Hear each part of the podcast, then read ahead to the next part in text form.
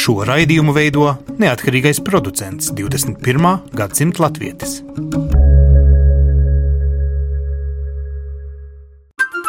Lai kur mēs būtu, Lai kur mēs būtu, Lai kur mēs būtu, Lai kur mēs būtu, Tie esam mēs. tie esam mēs. mēs. Tie esam mēs. Mēs. Tas ir par mums. Tas ir par mums. tas ir par mums.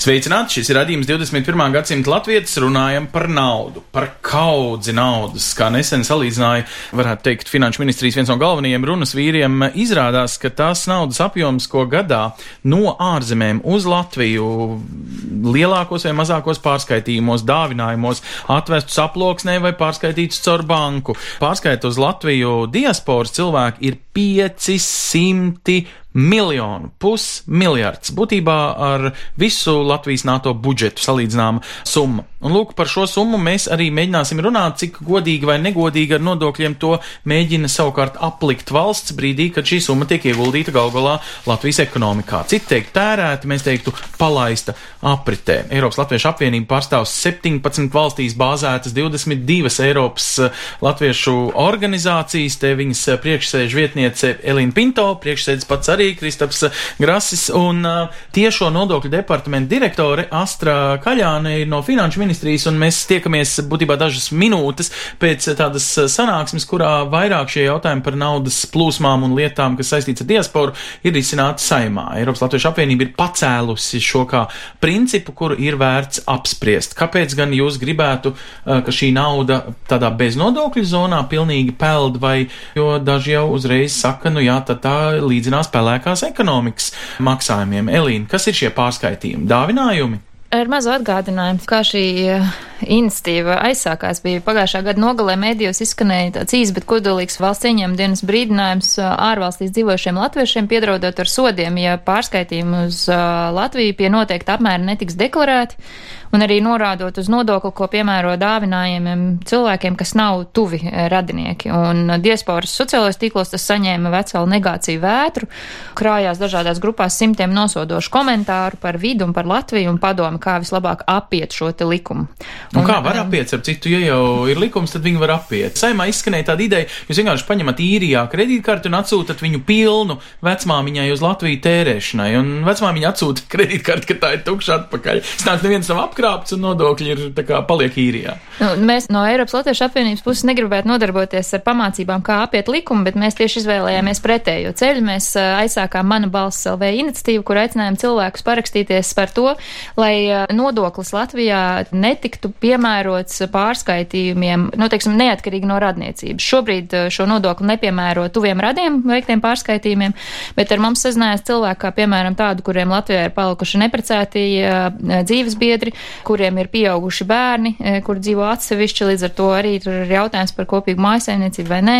Rakstīja cilvēki, kuriem radinieki atrodas laukos, kur nav pieejams bankomāts, un līdz ar to viņi šo te atbalsta naudu saviem tuviniekiem sūta caur izpalīdzīgiem kaimiņiem vai caur pasniekiem, kuri var ar mašīnu atvest šo naudu.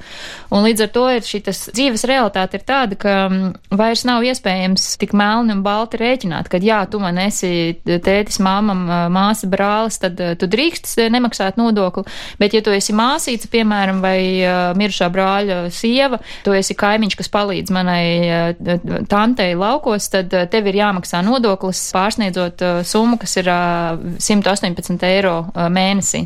Mūsu ierosinājums bija tāds, ka, lai atslogo gan no vienas puses šo valsts ieņēmuma dienesta represīvo funkciju, kas ir izsekot visiem šiem samērā nelieliem pārskaitījumiem, kas ir veltīti galvenokārt iztikai, un no otras puses, lai atvieglotu dzīvi arī cilvēkiem, kuri šos iztikas atbalstus saņem, tad paredzēt pienākumu nodokli maksāt tikai no summām, kas pārsniedz iztikas apmēru, un mūsu ierosinājums bija noteikti to, ka šis te iztika būtu traktējama kā 12 minimālās mēneša algas gadā. Aicinot arī paplašināt cilvēku loku, kuram nav uh, jāmaksā nodoklis, tā piemēram, uh, iekļaujot uh, arī tos pašus māsītas brālēns, teiksim, līdz ceturtajai pakāpei civilikumu izpratnē. Neatrisināts jautājums joprojām ir par nereģistrētiem dzīvesbiedriem, Jo, kad uh, mēs šo jautājumu izvirzījām, tad uh, arī tur bija tādas interesantas piezīmes no valsts pārstāvjiem, kā tad viņi varēja šot izsekot šiem diasporas harēmiem Latvijā, kurš var zināt, uh, vai ir vai nav dzīves biedrs, ja, ja lai tikai iet un precās. Bet interesanti, ka tajā pašā laikā, piemēram, virzot likumu par interešu konflikta novēršanu uh, valsts dienestā, arī pats finanšu ministrijas atzinums uh, norāda to, ka nereģistrētas partnerattiecības ir uzskatāmas par uh, saturā tādu pašu kopdzīves formu kā laulība Un, piemēram, šī likuma kontekstā arī nereģistrēti partneri uzskatām par pielīdzināmiem laulātiem. Ja šis te princips progresīvais tiks virzīts, tad arī neaizmirst par šo pašu principu piemērošanu arī citās mm. attiecībās. Labi, tagad jūs to saucat par emocionāli uzlādētu sūtījumu, kas faktiesībā ir vecmāmiņai būtībā izdzīvošanai vai pārsvarā gadījumos. Vai valsts arī to redz, kad viņi analizē šīs naudas plūsmas? Es ticu, ka jūs analizējat pusmiljārdu eiro parādīšanos nevienam neliktos lieka vai nepamanāma. Jā, kādu laiku atpakaļ presē bija sacelta diezgan liela ažiotāža par to, ka kādai personai liek deklarēt šos ienākumus, un es gribu teikt tā, jā, tad, kad valsts ieņēma dienests aizgāja un paskatījās pa konkrētiem gadījumiem, protams, ka valsts ieņēma dienestam nav vienkārši e, atrast šo naudu, ja tā tiek e, sūtīta primāro vajadzību apmierināšanai, teiksim, ēšanai. Savukārt, tādā gadījumā, ka persona sāk iegādāties nekustamos īpašumus, un tādā brīdī, kad valsts ieņēmuma dienas aiziet un paprasa, kur tu ņēmi šādus līdzekļus, jo tu oficiāli nekur nestrādā, persona saka, bet es saņēmu no ārzemēm. Tajā gadījumā tiešām rodas jautājums, uz kurieni mēs ejam. Bet Jā. ārzemēs šī nauda, vai jums liekas, ka tā ir narko biznesā nopelnīta un šeit tiek aprečota nekustamos īpašumos, tā tad būtībā legalizēta, skalota? Nē, nē. Jeb viņa taču arī tur ir izmaksāta algās, par to ir samaksāts nodoklis un šeit tērēta lieliski. E, jā, par to, ka ārzemēs nopelnīt naudu tērē Latvijā, tas ļoti apsveicam, par to nevienam nekādu iebildumu nav. Bet, ja mēs runājam par to personu, kurai tas ir ienākums, mums tomēr būtu jāsaprot, ka katrai personai, ja es strādāju ārzemēs, ārvalstīs šo naudu arī saņemu, tad tas ir mans ienākums. Savukārt, ja šo ienākumu pārsūtu uz Latviju e, savam radiniekam vai kaimiņam, tādā gadījumā šis ienākums, tanī brīdī, kad es viņus uzdāvinājis vai, vai atdevis, tanī brīdī tas ir otras personas ienākums. Mēs nevaram runāt. Nu, izņemot, ja tiešām dēls mammai vai, ne, ne, nu, tādā tas ien, ienākums, ja? vien, vienalga tas ir ienākums, bet likumā par iedzīvotāju ienākumu nodokli pateikts, ka ja mēs e, šo dāvinājumu daram personai, kura ir līdz trešai pakāpē civil likuma izpratnē, tas ir līdz pat šai vecmāmiņai, kā jūs teicāt, tajā gadījumā mēs neskatāmies šo summu, jūs varat dāvināt dāvināt, cik jūs gribat, tikai, ja šī summa jums neapliekamā summa pārsniedz 4000 eiro gadā, jums ir jānorāda deklarācijā, ka jūs esat šādu ienākumu saņēmis. Tikai norādot, lai valsts ieņēmuma dienas nebrīnītos, ka jūs pēkšņi nopērkat mašīnu. Jums nav ienākumu, piemēram, un jūs pēkšņi nopērkat mašīnu. Valsts ieņēmuma dienas paskatās deklarācijā, aha, konkrētā persona ir saņēmusi dāvinājumu no otrās pakāpes radinieka un ir skaidrs, kur tādi līdzekļi ir radušies. Bet, nu, Astra runā par kādu gadījumu, kas ir pieķerts. Mēs visdrīzāk domājam, ka sistēmā ir biežāk šie mazie maksājumi uzturēšanai, ģimenes, nu, tai otrai daļai, kas dzīvo Latvijā, nevis eh, tiešām šī ļaunprātība iegādājoties nekustamos īpašumus. Vai ir tiešām, kā saka, riebekļi, kas piesadzās ar it kā ārzemju radiem, kas pārskaita faktiski nu, nemaksājot valstī tādā veidā nodokļus, lai kur tā nauda būtu iekš vai ārpus Latvijas, eh, sev sakāsta, kā teikt. Nu, es nezinu, eh, cik tālu tas ir mūsu uz, uzdevums tiešām izpētīt šādu veidu eh, darbības, pie kam, manuprāt, viņas būtu galvenokārt meklējams, iespējams, tad šeit, un tad būtu jāsadarbojas atkal ar kādu ārzemēs hmm. strādājošu personu. Tas būtu tīkls, kas mums ikdienā noteikti paiet secēt. Mēs saprotam šo valsts skatījumu tur, kad eh, nekādā gadījumā negrib veicināt kaut ko, kas būtu nelegāls, nevēlams, skaidrs. No mūsu puses mūs maz interesē, ka to visu eh, galvenokārt nolīdzina eh, vienā podā ar visiem noziedzniekiem un, Jā. un lielākoties šī nauda būtu tur, tur pieskatām. Es pieņemu, ka tur pat eksistē kaut kādas tik tiešām analīzes, kur un kādas viņas ir nākuši. Man tad liktos, ka tomēr tas nebūtu lielākais skaitlis pieskaitāms tāds, kurš būtu turāms aizdomās par kaut ko. Tas ir viens un otrs, jā, kā ar daudzām lietām, kas ir ar diasporas cilvēkiem saistīts, mums nākas biežāk saskarties tieši ar šo argumentāciju, ka nevēlas privileģēt kaut kādus cilvēkus vai viņas negrib nostādīt vietējos atkal sliktāk. Tomēr mēs runājam par diezgan būtiskām ikdienas lietām, kur lielākoties tiešām no šīs milzīgās summas ir, kā Elīna teica, ļoti konkrētām vajadzībām ģimenes atbalstam un kur kaut kur kāds Sūri arī strādā par to uh, sapelnīto naudu. Un nomaksā, kas, nu, tiesa gan citai valstī, bet nodokļus. Citiem vārdiem tā ir legāla maks, nauda. Maksā nodokļus un tā ir legāla Labi, nauda. paskatīsimies uz kādu reālu šādu gadījumu. Dacē ir skaudrs stāsts, viņas radiniece nonākusi teju vai nedziedināmas slimības stāvoklī un ātra teju vai rindas būtībā nerespektēšana, bet visa samaksāšana uzreiz bija vienīgais veids, kā glābt radinieces dzīvību. Viņa pārskaitīja naudu uz Latviju. Stāsts ir faktiski sekojošs, kad uh, vairāk kā desmit gadus es palīdzu savai māsīcai, uh, jo, nu, par viņu, uh, teiksim, raksturojot sieviete 50 gadi ar ķeksīti, kā saka, astoņi bērni. No tiem trīs jaunākie, lai arī viņi pilngadīgi, bet viņi vēl studē un mācās. Un 2002. gadā viņai tika uzstādīta diagnoze vēzis, nu, faktiski kopš tā laika es arī vairāk uh, centos palīdzēt. Un uh, vēl piedevām 2008. gadā viņa ir šķīrusies, un kopš tā laika faktiski visus astoņus bērnus audzināja viena pati, nesaņemot arī nekādus uzturlīdzekļus, jo, nu, tā bija tāda panāktā vienošanās. Un pat viņa ir strādājusi izglītības iestādē par sekretāri, uh, Tad vēl arī kādu laiku bija bezdarbniece, un šobrīd arī ir sekretāra nelielā privātā firmā, kurā ir vēl divi darbinieki, nu līdz ar to tas tā finansiālā situācija nav diezko spoža. Otrs tur bija arī sarežģījumi ar to diagnozi, ka faktiski Latvijā viņai pateica, ka vairs nekāda palīdzēt nav iespējams, un nu, tad tika sameklēts alternatīvas metodes, un tie maksājumi bija jāveic tad skaidrā naudā, un Bet, nu, vismaz pateicoties tam, tomēr viņa ir kopā ar mums vēl visus šos gadus. Tie mani pārskaitījumi, tie palīdzēja to risināt, nu, bet, protams, tā summa noteikti bija lielāka nekā tie atļautie 118 eiro mēnesī. Gadā no 10 līdz 15 tūkstošiem. Un tagad par to starpību sanākt maksāt to 21% ienākumu nodoklis, lai gan faktiski, nu, tas, tas jau nav ienākums, tas ir vienkārši tie, tie palīdz nodrošināt ģimenei iztiks pamatu. Nu, es domāju, ka tas nav godīgi, jo, nu, lai arī it kā skaitās, ka tas ir nevis mans ienākums vairāk, bet jau šīs citas personas ienākums. Bet, nu, tik un tā, es no šīs naudas esmu nodokļus samaksājusi, un tagad šādi vēlreiz uzliekot tos nodokļus, man tas nešķiet taisnīgi. Un es, teiksim, sen nebiju skatījusies no likumu par iedzīvotāju ienākumu nodokli, un tagad es viņu palasīju. Un, uh, Redzot to visu, kas ir vēl salikts iekšā kopš, manuprāt, no 2016. gada, par ko visu tiek iekasēts tas iedzīvotāja ienākuma nodoklis, nu, tur man drusceņi maksas atcēlās stāvus. Jo vienkārši nu, man tas nešķiet pareizi tādā ziņā, ka valstī jau ir visvienkāršākais no tās fiziskās personas paņemt. Jo fiziskā persona viņa nevar pati paslēpties kaut kādā offshore, viņai ir kaut kādi noteikti īpašumi, kurus vienmēr var paņemt ciet, ja, ja viņai kaut kāds parāds veidojās. Un, uh, Nu, valsts vienkārši ir izvēlējusies to vieglāko ceļu.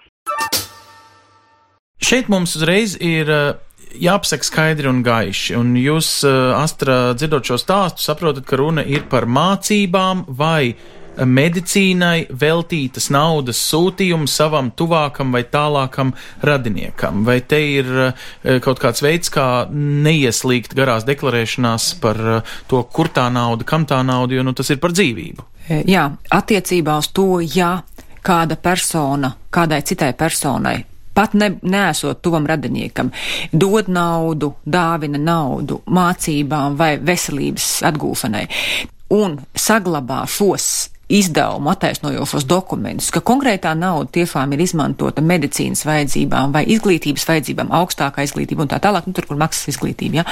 tajā gadījumā e, minēto summu mēs ar nodokli neapliekam. Mēs pasakam, ka šīs ir divas jomas, kur jebkura persona var palīdzēt jebkurai citai personai, tikai saglabājot šos attaisnojumu dokumentus. Bet un, iesniedzot, iesniedzot obligāti deklarāciju, deklarāciju jā. kuru normāls cilvēks, es atvainojos, var nesniegt, mm. bet šajā gadījumā labāk būs, ja iesniegs, ja summa summa ir lielāka. Šajā ja? gadījumā noteikti, jo eh, likumā ir pateikts, ka tie ir 4000 eiro neapliekamā summa. Ja šī summa pārsniedz minēto apmēru, tādā gadījumā ir jāsniedz. Arī tajā gadījumā, ja ir šie čeki, tad, protams, ka jāsniedz, jo ir jāpierāda, kāpēc pilnīgi nesaistīta persona pēkšņi man ir, teiksim, pārskaitījusi 5000 eiro un kur es viņus esmu iztērējis. Lai mēs saprastu, ka šie tiešām ir neapliekama summa. Arī konkrētajā gadījumā iespējams, ja būtu tā situācija labi zināta un ja būtu, eh, kā saka, iepriekš būtu pakonsultējušies ar valsts ceņām dienestu, iespējams, ka tā situācija būtu labāka, jo var, iespējams, ka būtu kaut kādā veidā tie izdevumi attaisnojošie dokumenti krāti. Bet, nu, mēs jau lieliski saprotam, par ko ir runa. Cilvēki jau tik līdz ir nodokļi un kaut kāda deklarēšanās baidās, jo tad pēc tam kaut kas var uh, radīt atkal citu uh, precedentu. Kā jums liekas, šeit bailēm ir pamatot vai nepamatot attieksmi? Es iedošu vienu piemēru. Tad, kad runā par jauno režīmu, kādu varētu saņemt mikro uzņēmēji, nākotnē viņus piespiedīs tikai un vienīgi lietot banku kā norēķina sistēmu, un viņu konts faktiski būs veids, ka varēs izsekot pilnīgi visām viņu darbībām. Ja ārzemēs dzīvojušie latvieši varētu saņemties un nevest aploksnēs ar sūtījumiem savām vecmāmiņām naudu, bet iepludināt viņu ekonomikā tikai caur valsts vai bankas vai kā nebūtu kontrolētiem pārskaitījumiem, vai tas būtu veids, kā tas būtu caurspīdīgs, pārredzams, kontrolējams un pilnībā drošs, ka neviens nevienam neko nenošmauc. Un tā tad arī ir viss legāli, viss godīgi, un gal galā valsts ieplūst, uh, valstī ieplūst kaudzi naudas. Attiecībā uz dāvinājumiem, nu noteikti, ka tādas prakses nezinu neviena valsti, kurā būtu pateicis, ka dāvinājumiem nodokļu režīms ir atkarīgs no tā, kādā veidā dāvinājums tiek veikts, vai tiek materiālā izteiksmē, vai naudas izteiksmē, vai ar pārskaitījumu. Nodokļu režīms pēc būtības visos šajos gadījumos tam būtu jābūt vienādam. E, konkrētajā gadījumā, kad Latvijas likumā ir pateikts šis slieksnis 1400 425 eiro, manuprāt, priekš Latvijas situācijas tas ir ļoti adekvāts dāvanas apmērs, ko varētu divas nesaistītas personas viena otrai dāvināt. Gadā, vai ne? Tas ir gadā, mm -hmm. jā, bet no jebkuras fiziskas personas nozīmē, ja man ir pieci draugi un man ir tiešām šīs grūtības, un katrs no šiem draugiem man uzdāvina šādā apmērā, tad tā summa man nav apliekama, ja, jo mēs skatāmies uz katru konkrēto fizisko personu. Mēs uzskatām, ka priekš Latvijas situācijas šāda summa ir ir atbilstoša. Savukārt, ja tie ir tiešām ģimenes locekļi līdz šai trešai pakāpei, tad ir neierobežots apmērs. Tikai ar nosacījumu, ja šis apmērs pārsniedz 4000, tad mēs viņu nodeklarējam. Es tiešām neredzu, kur priekš tās Latvijas situācijas varētu būt tā ļoti lielā problēma. Attiecībā par e, nereģistrētajām attiecībām es gribētu teikt, ka jā, šīs attiecības ir iespējams, e, kā saka, sakārtot, un personas tanī brīdī, kad viņas ir laulāts, viņām atkal ir e, minētais atbrīvojums pilnā apmērā. Savukārt, runājot to, ko kolēģi teica, kad vienā likumā mēs attiecamies pret šīm personām tā un otrā tā, mums tomēr ir jāatšķir ļoti būtiska lieta attiecībā uz, uz amatpersonām šīm personām ir jāuzrāda visas šīs saistītās personas, kur varētu būt kaut kāda nedrošība, ka varētu būt kaut kādi korupcijas riski un tā tālāk. Tad, ja personām ir kopīga mājasaimniecība un šīs personas tiks norādītas, tad valsts rīcībā būs šī informācija. Savukārt uz jebkuru citu fizisku personu, tie varētu būt divi studenti, kas studiju laikā dzīvo kopā. Valstī nav nepieciešama šāda informācija e, tikai tāpēc, ka Mēs tur neredzam tādus nodokļu riskus. Mm. Viņiem varbūt ir kopīgs leduskapis, bet mēs neredzam nodokļu riskus. Savukārt, ja notiek naudas plūsma no vienas valsts uz otru valsti, kur šīs summas pārsniedz vairākus tūkstošus, mēs tiešām tur redzam risku. Elīna, nu, cik uh, vispār apjausti ir šie pārskaitījumi? Cik viņi ir parasti lieli Eiropā strādājošiem uh, cilvēkiem? Uh, nu, es domāju, katra viena ģimenes ietverā to kopējo summu mēs apmēram un arī tikai no Latvijas bankas iespējamām aplēsēm. Katra viena komercbanka būtībā atsakās uh, atbildēt, vai ir kāda tipiska vecmāmiņa Dagdā, kur regulāri saņem šos pārskaitījumus uz kredītkarti no mazdēla īrijā, piemēram. Ja? Nu, tādā cilvēka līmenī jau mēs pat īsti nevaram izsekot. Un, attiecīgi, Ir Nu, tāds šis sajūta, ir ka mēs turam aizdomās visus par krāpšanos. Nu, tā ir tieši šobrīd tā situācija, ka nav jau iespējams izsakot, tāpēc, ka cilvēkiem ir bail par dažādu veidu administratīvām grūtībām un arī ar šo te nodokļu jautājumu, kurš nav īsti varbūt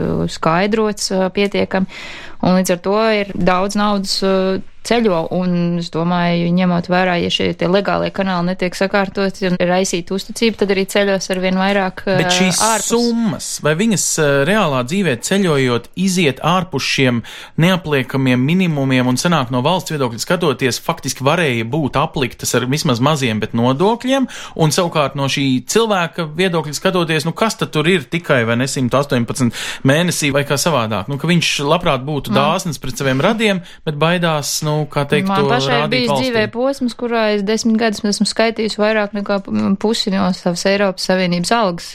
Uz uz, Latviju. uz Latviju. Līdz ar to, nu, teiksim, ja ir vajadzīgi piemēri, es domāju, būs daudz tādu piemēru, kur uh, naudas summas būtiski pārsniedz tos 118 un kas nav bijis e, izšķērdīgi dzīvesveida vešanai, bet tas ir, ir, ir ģimenēm, kas ir palikuši, tas ir viņu ikdienas izdevumiem. e, To liecina ne- ne tikai cilvēku stāsti, bet to liecina arī ekonomikas e, eksperti šeit pat e, teiktais pietiekami atzīti cilvēki kas ir skaidri pateikuši, ka šajos diasporas pārskaitījumos nav noziedzīga, tiksim, nelegālas līdzekļu atmazgāšanas riski, tie pilda primāri sociālu funkciju, tā atslogo valsts sociālās aprūpas sistēmu, tur, kur valsts nespēja šo atbalstu sniegt, to sniedz tuvinieki. Nu, to, kā senos laikos vienmēr mums ir bijis, mēs palīdzam savējiem, un savējais mūsdienās nevienmēr ir tavs uh, precētais vīrs, uh, nevienmēr tā ir tava tante.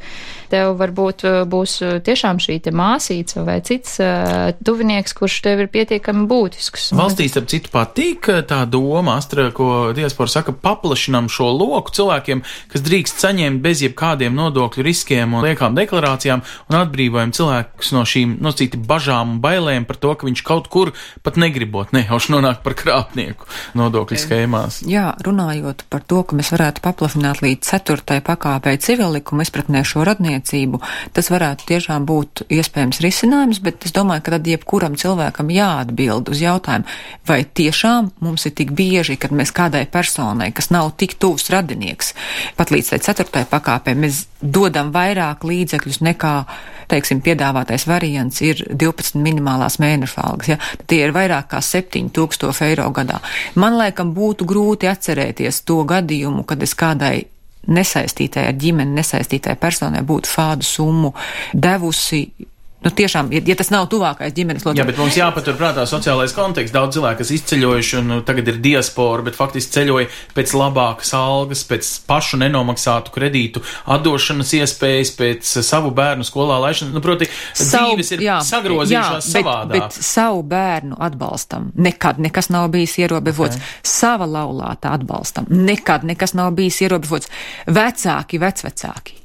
Ļoti, ļoti atbalstāmi, atbalstam. Tur, kur mēs runājam tiešām par to tuvo ģimeni, pat līdz trešajai pakāpei, nav bijušas problēmas. Brāļi, māsas, Lūdzu, lūdzu, sūti šiem cilvēkiem, večiem cilvēkiem, nav nekādas problēmas. Tad, kad mēs runājam pat tiešām par pietiekami tāliem cilvēkiem, lai mēs varētu teikt, ka mēs tiešām ļoti lielas summas vēlamies viņiem, eh, kā saka, ziedot. Sakiet, šie gadījumi, ko jūs minat, tas ir tāds viens un spilgts, vai tie ir tādi regulāri valsts ieņēmuma dienestā pieķerti gadījumi, kur liek domāt, ka ar vārdu diaspora un tās sūtījumi un dāvinājumi kāds piesadzās? Mēs nevaram teikt, ka tie ir bieži, bet tie bija tie pēdējie gadījumi attiecībā par šiem nekustamiem īpašumiem.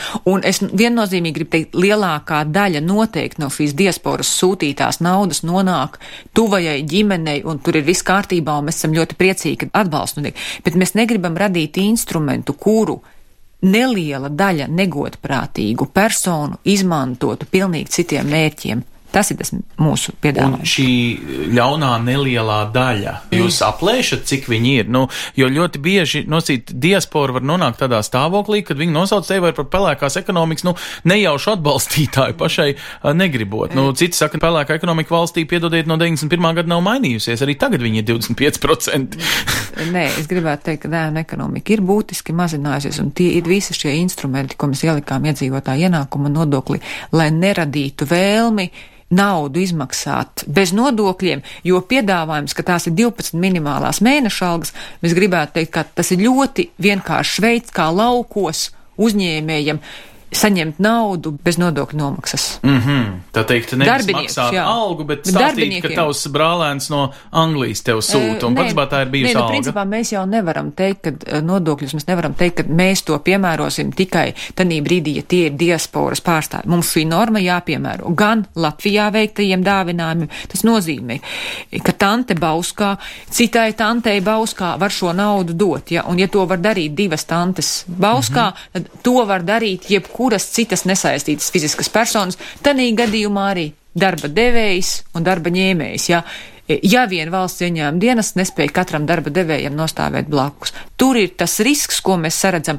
Mēs Bet neesam. jūs to, kā lai pasaka, redzat no sava, no administrēšanas viedokļa, bet cilvēki, kas sūta naudu uz Latviju, viņi to sūta ar emocijām pilnu naudu. Viņi tādā veidā atbalsta savas dzimtenes ekonomiku un tā tālāk. Un sāk viņu vilšanās sajūtu. Es saprotu, ka jums nav uzdevums eh, vilšanās sajūtu mazināt vai vairot. Un tomēr, vai mums ir jāierauga viņi kā tāda īpaša kategorija? Viņi nav ļaunprātīgi. Nē, mēs nekādā gadījumā negribam teikt, ka viņi ir konkrēti ļaunprātīgi. Ļaunprātīgi iespējams ir kādi ļoti maza daļa sabiedrības, ļoti maza daļa sabiedrības, kura to izmantos negodprātīgi. Elīna, lūdzu, palīdziet man, ko jūs ieraugat šajā, vai te ir, mēs esam pareizā ceļā uz risinājumu, vai mēs tikai sabiezinām krāsas viens otram.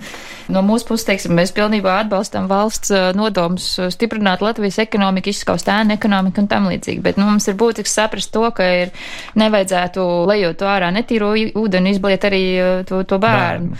Ja valstī šī politika par ēnu ekonomikas izskaušanu un, un dažādu veidu pārskaitījumu, nu, nelegālu izmantošanu, tiešām tā ir nopietna, tad tas ir absolūti neproduktīvi. Piemēram, nāk klējā ar tādiem paziņojumiem, kā bija pirms dažām nedēļām presē, ka, piemēram, skaidrs naudas iemaksas bankomātos netiks kontrolēts apmērā līdz tur 20 tūkstošiem eiro.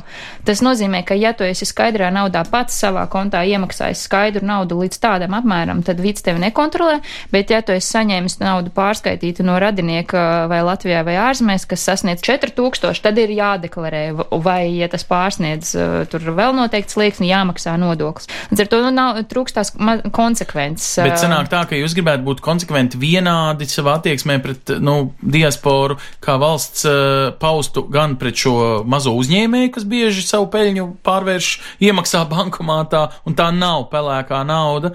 Un tad jūs gribētu nu, nosīt līdzīgas likmes, piemērot uh, tā Nu, kā. es vienkārši aicinātu valsti vairāk uzticēties saviem cilvēkiem un ne, neveidot politiku uz krāpniecisku nu, fundamentu pamata, jo, ja tā ir mūsu valsts pamata attieksme pret uh, mūsu uh, pilsoni, ka tas ir, jebkurš ir potenciāls noziedznieks, tad tādā veidā valsti veselīgi un ilgspējīgi nevar veidot. Bet, ko es ierosinu konkrēti, ir tad, teiksim, ja valsts uzskata, ka skaidrs naudas iemaksas līdz 20 tūkstošiem nav kontrolējamas, tad piemērot šo principu arī uh, dāvinājumiem. Vai arī tad atrast uh, konsekventu veidu, kā tiešām kontrolēt šos iespējamos ēnu ekonomikas ļaunprāšus citā veidā. Vai jūs, Astra, redzat, ka tuvākā laikā varētu būt kādas izmaiņas? Saimnes deputāti grozīja galvu, pieņēma zināšanai, neteikt, ka bija gatavi tagad ņemt pildspalvu un labot uh, likumu, vai te ir uzklausīta diasporas griba, vai varētu sekot šī jaunā vispārējā nodokļu arhitektūrā kaut ko mainīt, mainīt arī šo iemaksu un dāvinājumu attieksmi no diasporas tautiešiem? Konceptuāli iespējams, ka mēs nevaram mainīt to modeli, ka mēs vispār dāvinājumus neapliekam. Mēs varam runāt noteikti par to, vai tā varētu būt varbūt ceturtā pakāpe civillikuma izpratnē attiecībā uz radniecību. Tas varētu būt, varbūt ir vēl kādi mērķi, kāpēc konkrētās personas sūta šo naudu. Tas tiešām varētu būt varbūt vairāk darbs detaļās, lai mēs apzinātos, kāda ir tā daļa, kurai šobrīd legāli ir problēmas atsūtīt šo naudu. Ja? Jo pateikt to, ka konkrētās personas minēto naudu iztērē e, dzīvošanai, ja, nu, mums var būt visādi. Mēs varam, varbūt dzīvojam ar Lexusu un dzīvojam jūrmalā divstāvu privātmājā. Ja, tad tā arī dažam dzīvošana. Tāpēc būtu jāsaprot e, vajadzības tiem cilvēkiem un kuras tās grupas ir, kuras mēs tā kā, nu, neskaram ar attiecīgo regulējumu, jo mūsuprāt lielākā daļa tomēr ir līdz šim civillikumā, līdz šai trešai pakāpei savos radiniekos. Ja? Nu, tie ir tiešām mūsu tuvākā ģimene, ar kuru mēs esam vislielākajā kontaktā un par kuriem mēs esam atbildīgi civil likuma izpratnē. Ja? Vai tas tad ir, kā saka, Eiropas Latviešu apvienība ir priecīga par šo domu, ka jūsu iniciētā doma var materializēties kaut kādās mazās, bet uh, izklausās būtiskās uh, likuma izmaiņās? Jā, un mums ir liels gandarījums dzirdēt šo te atvērtību sarunai, un mēs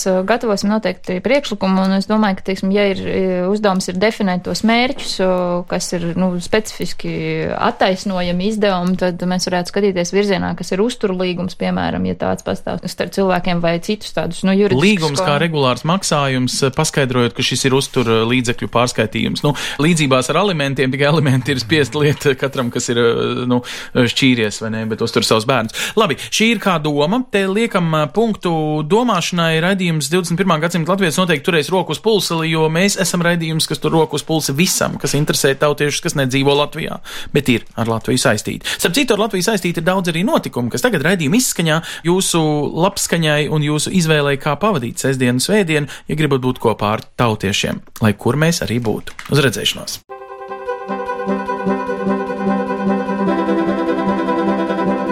Sadarbībā ar, ar Latviešu.com piedāvājam globālais latviešu notikuma apskats, kur ir tur rodas. Kur ir tur rodas? Tas ir par mums! Lai gan šajā nedēļas nogalē visā Eiropā latvieši grābekļiem rokās devās sakopt savu apkārtni lielajā talkā, notika arī citi pieminēšanas vērti pasākumi. Stokholmā tika aizvadīts jubilejas koncerts un dzējas vakars par godu Zviedrijā dzīvojošajiem latviešu dzējas lielmeistariem Jurim Kronbergam un Pāvilam Johansonam.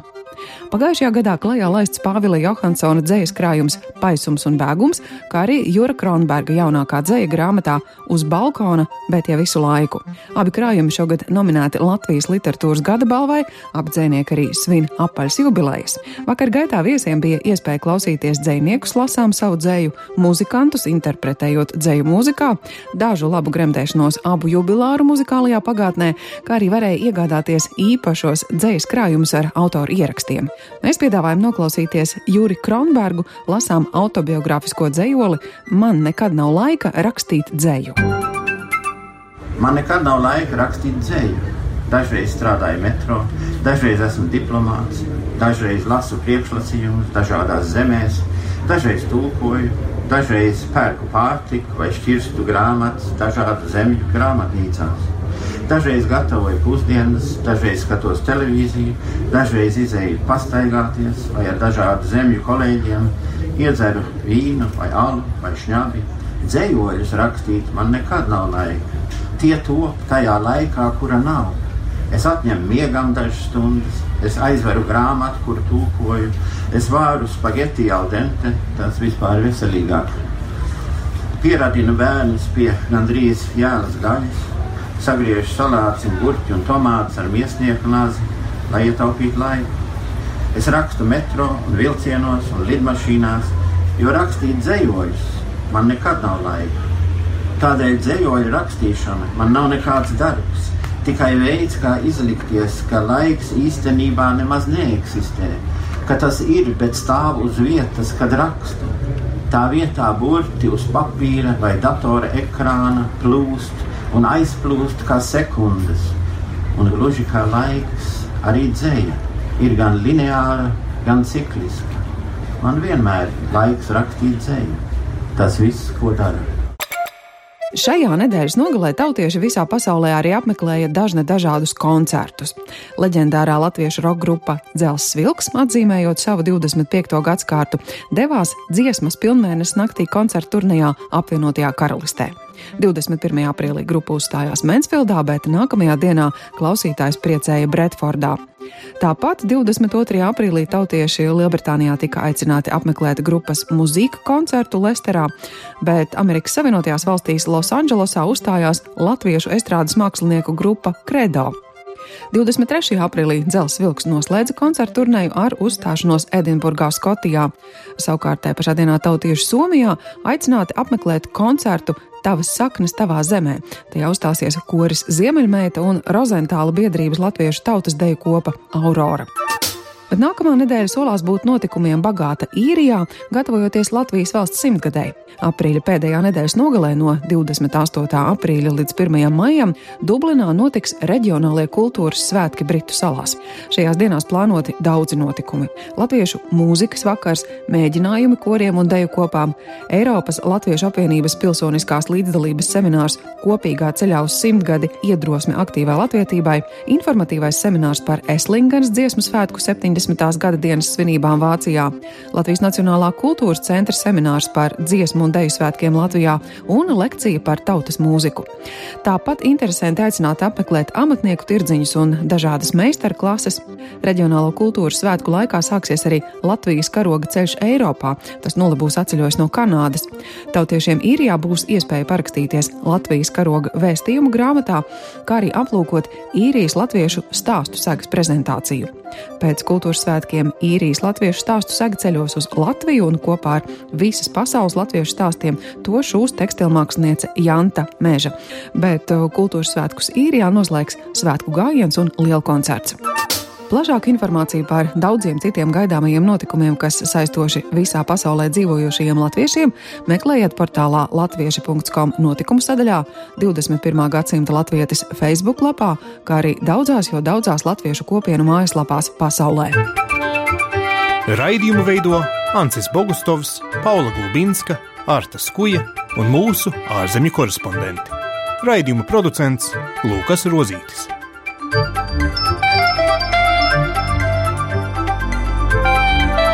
Lai kur mēs būtu, Lai kur mēs būtu, Tas ir par mums. Tie esam mēs. tas ir par mums. Tie esam mēs. Tie esam mēs. Tie esam mēs.